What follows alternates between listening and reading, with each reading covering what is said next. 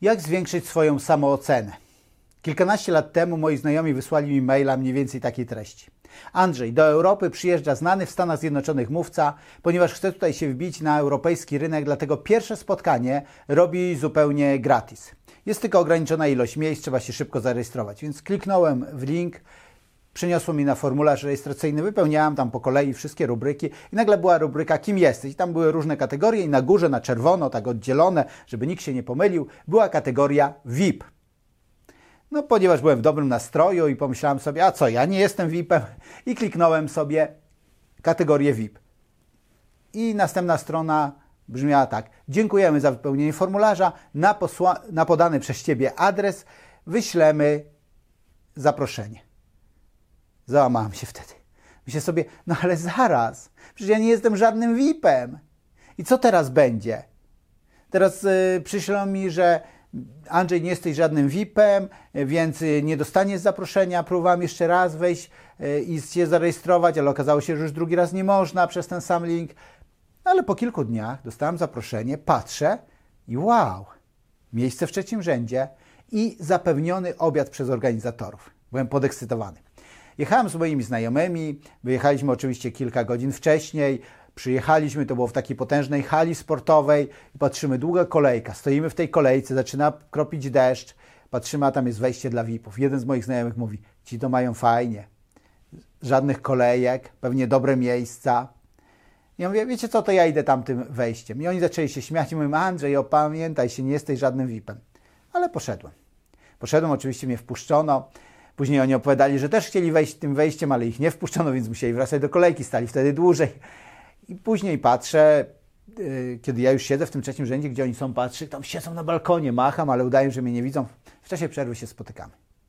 Mówią mi tak, Andrzej, po następnej przerwie będzie przerwa obiadowa. Tu niedaleko jest McDonald's, więc wyjdziemy parę minut przed zakończeniem sesji, żeby nie stać w kolejkach. Ja mówię, panowie, wiecie, dla takich jak ja jest zapewniony obiad przez organizatorów. Oni mówią, no co ty Andrzej, ale w ogóle co, siedzisz w trzecim rzędzie, skąd ci się to wzięło, jak ty tam usiadłeś? Ja mówię, jestem VIP-em. Oni mówią, nie Andrzej, nie jesteś żadnym VIP-em, zejdź na ziemię. Wtedy wyciągam bilet, pokazuję im i mówię, panowie, fakty przeczą waszej opinii. Opowiadam tą historię w wielu, wielu miejscach. Umieszczałem ją w moich książkach. Dlaczego? Ponieważ ta historia stała się dla mnie pewnym symbolem. Symbolem tego, że jak będziesz traktował siebie, tak inni będą traktowali ciebie. Żeby pokazać to, ponieważ wiesz, jeżeli opowiadasz coś w wielu miejscach, to wielu ludzi zaczyna tą historię powtarzać albo nią żyć i widzisz jakieś efekty. Kiedyś zaproszono mnie na jedno spotkanie, tam było kilku mówców, ja mówiłem jako ostatni. Temat był właśnie taki jak zwiększyć swoją samoocenę. I zakończyłem moją opowieść tą historią i powiedziałam, kiedy będziesz dokonywać życiowych wyborów, potraktuj siebie jak VIP-a, którym rzeczywiście jesteś. Jedna z dziewczyn potraktowała to poważnie.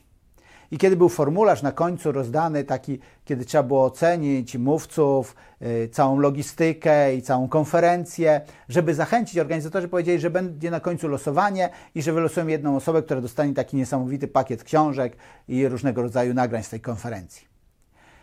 I kiedy osoba, która losowała na końcu, wyciągnęła, mówi: No dobrze, mamy tutaj, jest osoba, i uśmiechnęła się i powiedziała tak. Ktoś poważnie potraktował słowa Andrzeja jedna z osób podpisała się VIP. I wychodzi dziewczyna, tak dostaje brawa, staje na scenie i mówi tak, ze łzami w oczach. Przychodzę na tę konferencję już od lat. Zawsze wypełniam formularz. I dzisiaj, kiedy miałam się podpisać, zamiast Kasia pomyślałam, podpiszę się VIP. Czy to musiało się tak skończyć? Oczywiście, że nie musiało, ale tak się skończyło w tej historii. Widzisz, bardzo lubię to powiedzenie, że Twoja aktualna sytuacja życiowa w różnych dziedzinach życia odpowiada Twoim poglądom na swój własny temat. Jeżeli myślisz, że zasługujesz na właściwe relacje, to zwykle relacje masz udane. Ale jeśli myślisz, że nie zasługujesz na więcej niż średnią krajową, to prawdopodobnie zarabiasz średnią krajową. Jeżeli niezbyt dbasz o swoje ciało, to prawdopodobnie Twoje ciało nie funkcjonuje tak prawidłowo, jakby mogło funkcjonować. I można by przykłady mnożyć. Po prostu Ty ustalasz standardy w różnych dziedzinach swojego życia, w zależności od tego, jak postrzegasz siebie samego. Prawdopodobnie znasz tą historię o brzydkim kaczątku. Wielu z nas ją zna. Widzisz, i w tej historii jest pewien trik. To brzydkie kaczątko nie wiedziało, że jest łabędziem. Mówiono mu, że jest łabędziem, ale on gdzieś w środku czuł, że nie pasuje. Dlaczego opowiadam tą bajkę? Dlatego, że ta bajka uczy nas czegoś bardzo istotnego. Wielu z nas może się tak czuć. Możesz czuć, że jest jakieś środowisko, w którym jesteś, ale Twoje ambicje są większe. Wiesz, nie mówię teraz o tym, o teraz opuść to środowisko, jeżeli jest toksyczne, takie szkodliwe, to tak. Ale tak normalnie nigdy nie mówię opuść to środowisko, zawsze mówię poszerz swoje życie. Jeżeli czujesz, że masz większe ambicje, zacznij się spotykać z ludźmi, którzy mają większe ambicje. Jeżeli myślisz, że zasługujesz na większe standardy, zacznij działać jak człowiek o wyższych standardach. Zacznij działać jak z tej historii to brzydkie kaczątko. Ty nie jesteś kaczątkiem. Ty jesteś łabędziem. Jesteś kimś, kto ma potężną wartość i których potencjał jest o wiele większy niż to, co często na co dzień o sobie myślimy i jak często siebie sami traktujemy. Widzisz, kiedy mówię o czymś takim jak zwiększenie swojej samooceny, to bardzo łatwo ludzie wtedy dystansują się od tego i mówią, zresztą, co ja będę mówił o ludziach. Jacyś ludzie dystansują się od tego i w ogóle. Powiem Ci moją historię. Zawsze dużo podróżowałem. W czasach, kiedy jeszcze nie miałem prawa jazdy, nie miałem własnego auta, dużo podróżowałem pociągiem. Pamiętam taki moment, kiedy przesiadałem się w Warszawie i postanowiłem kupić sobie jakąś książkę. I gdzieś tam stał taki stragan, były książki różnego rodzaju e, w podziemiach dworca centralnego, to jeszcze dawne czasy, stali ludzie z tymi straganami. Tam były chyba każda książka po dwa złote. I ja zobaczyłem jakiś kryminał autora, którego bardzo lubię, a tej, tej akurat powieści nie znam. Więc dałem dwa złote, ale ponieważ już zapowiadali mój pociąg, trochę się śpieszyłem, więc omyłkowo wziąłem nie tą książkę, którą powinienem wziąć. I biegłem do pociągu. Kiedy już biegłem do pociągu, usiadłem, mówię, dobrze, teraz zanurzę się w lekturze i będę odpoczywał. Wziąłem tą książkę, zacząłem się przyglądać i mówię, o nie, co ja widziałem, to była jakaś książka o tym, jak pokochać samego siebie zacząłem to czytać i tak bardzo się denerwowałem na to, co tam czytałem, że czego zwykle nie robię, nie dokończyłem tej książki, co więcej, zostawiłem ją w pociągu. Powiedziałem jakiś stek bzdur. Dzisiaj myślę sobie, że gdybym poważniej podszedł do tej książki, to przynajmniej cztery operacje miałbym mniej, bo przez to, że nie szanowałem swojego zdrowia, nadwyrężyłem je tak, że musiałem mieć cztery operacje i być może kilka rzeczy inaczej ułożyłoby się w moim życiu. Ale okej, okay, akceptuję moją przeszłość taką, jaką jest, o tym jeszcze będę mówił w tym module. Natomiast to, co jest ważne, czasami w nas, kiedy słyszymy o zdrowej miłości siebie, mogą się obudzić takie uczucia jak we mnie. Dlaczego?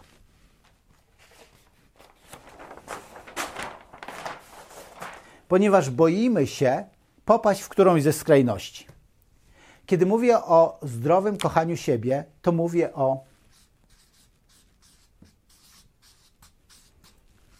o czymś takim jak miłość. I teraz wiesz, są ludzie bardzo samolubni, wszystko obraca się wokół nich, to taki król Julian z Pingwinu z Madagaskaru, jeżeli oglądałeś kiedykolwiek, który mówi, przepraszam, że zachwycam was swoją obecnością, tak? Albo taka cicha, niepozorna myszka, że wszyscy się liczą, a ja nie się nie liczę. Więc jak znaleźć ten balans między miłością do siebie, a miłością do innych. Chodzi o to, żeby w tym wszystkim była równowaga. I oczywiście, zawsze kiedy się omawia jakiś temat, to wszystkiego nie omówisz. Oczywiście w kolejnych materiałach, które będą się pojawiać, będę ten temat pogłębiał, ale teraz, kiedy zaczynamy, zaczynamy od pewnych ogólników. Ja rozumiem, że są sezony życia kiedy nie wiem, rodzi się dziecko i trzeba więcej czasu poświęcać jemu niż sobie. Są takie sezony życia, kiedy trzeba trochę odpocząć, albo ktoś e, nie wiem, był chory, złamał nogę i potrzebuje więcej czasu na rekonwalescencję, czyli więcej dla siebie niż dla innych. Oczywiście są różne sezony życia. Ale to, o czym teraz mówię, to mówię o pewnej równowadze. O tym, żeby znaleźć zdrową równowagę, żeby w zdrowy sposób kochać siebie i w zdrowy sposób kochać innych. Dlaczego ta równowaga jest ważna? Ponieważ tylko wtedy będziesz szczęśliwy. Tylko wtedy Twoje relacje będą udane, tylko wtedy Twoje zarobki będą odpowiednie, tylko wtedy Twoje zdrowie będzie właściwe. Mówię oczywiście o tych aspektach, które są zależne od nas. Jeżeli w zdrowy sposób traktujesz siebie i w zdrowy sposób traktujesz innych, będziesz miał poczucie, że jesteś szczęśliwą osobą. Gdybym miał zdefiniować szczęście, to powiedziałbym, że szczęście to jest kochać i być kochanym. A zdrowa miłość do siebie uwalnia potencjał do bycia szczęśliwą osobą. Co więc zrobić, żeby nie wpaść w żadną z tych skrajności? Tak? Jedna skrajność to jest, oczywiście rozumiesz, kiedy pracowałem jako instruktor terapii uzależnień i specjalizowałem się w pracy z ludźmi współuzależnionymi, to czasami, kiedy patrzyłem na osoby, które naprawdę wiele, za dużo poświęcały się dla innych, to i te osoby mówiły, dlaczego, dlaczego? Ja mówię, ponieważ to, co robisz, nie jest szlachetne dla innych. To, co robisz, jest niemiłosierne względem siebie samego. Jest pewna granica, której nie można przekroczyć w poświęceniu się dla innych i druga grupa osób, tak, którzy są tak nastawieni na siebie, że nie zauważają w ogóle nikogo innego. Więc jak zrobić ten balans? Trzy proste sposoby. Pierwszy sposób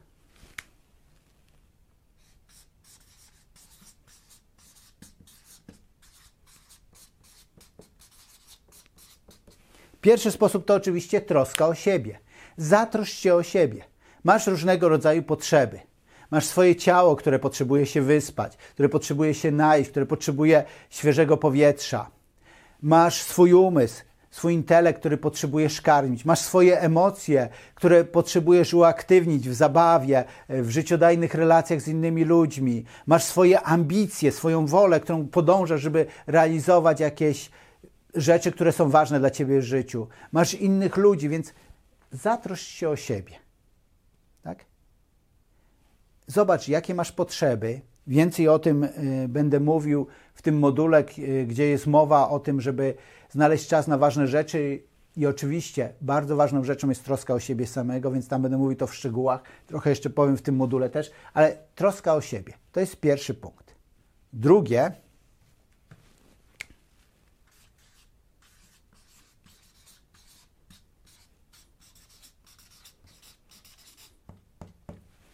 Drugi punkt jest pozwól innym. Co to znaczy pozwól innym?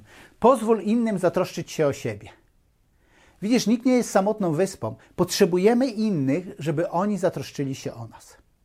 Co dokładnie mam na myśli? Jeżeli masz pewne swoje potrzeby, nie wiem, żyjesz w rodzinie i możesz powiedzieć, słuchajcie kochani, bardzo bym was prosił, na przykład w sobotę od 16 do 18 potrzebuję mieć dwie godziny tylko dla siebie. Tak? powiedz innym o swoich potrzebach. Pozwól, żeby oni też się włączyli. Ludzie chętnie ci pomogą. Ponieważ, dlaczego to jest ważne? Ponieważ jeżeli będziesz traktował innych jako wrogów i będziesz mówił, tak, ja to wszystkich się troszczę, o mnie nikt. Pozwól innym. Ludzie często nie troszczą się albo troszczą się w sposób, który nie jest odpowiedni dla nas, tylko dlatego, że nie wiedzą w jaki sposób mają się o nas troszczyć. Taką pewną instrukcję obsługi czasami potrzebujemy im dać. Szczególnie to mówię do ludzi, którzy mówią, gdyby kochali, to by wiedzieli. Niekoniecznie. Ty też kochasz, a nie zawsze we właściwy sposób troszczysz się o innych ludzi. Więc pozwól innym zatroszczyć się o ciebie.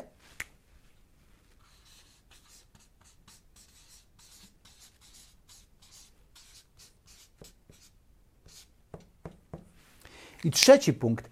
Ty zatroszcz się o innych. I tu jest ta zdrowa równowaga. Zobacz. Pierwsze, i uważam, że kolejność ma to znaczenie. Ty sam troszczysz się o siebie. Drugie, wysyłasz do bliskich ci osób komunikat. Słuchajcie, potrzebuję czasu wolnego, albo słuchajcie, to i to jest moją potrzebą. I to jest w porządku. Ale równowaga jest wtedy, kiedy dołożysz punkt trzeci. A co jest punktem trzecim? Punktem trzecim jest stwierdzenie, kochani, jak mogę zatroszczyć się o Was? Mówisz do rodziny, słuchajcie, potrzebuję czasu od 16 do 18 tylko dla siebie. Ale czy ktoś z Was potrzebuje takiego czasu dla siebie?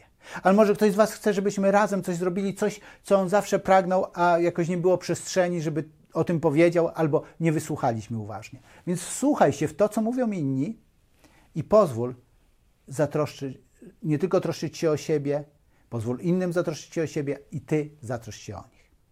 My idziemy dalej, jeżeli chodzi o poszczególne elementy, jak zwiększyć swoją samoocenę. Dla tych, którzy słuchacie tego bezpłatnego nagrania, dziękuję Wam za obecność. Jeżeli chcesz więcej, to zapraszam Cię do Akademii Rozwoju Przedsiębiorcy, do działu Jak zarządzać samym sobą i możesz dołączyć do nas i podążać dalej. i w tym temacie, i w innych ważnych życiowych tematach. Więcej informacji o tym znajdziesz na stronie andrzejburzyński.pl.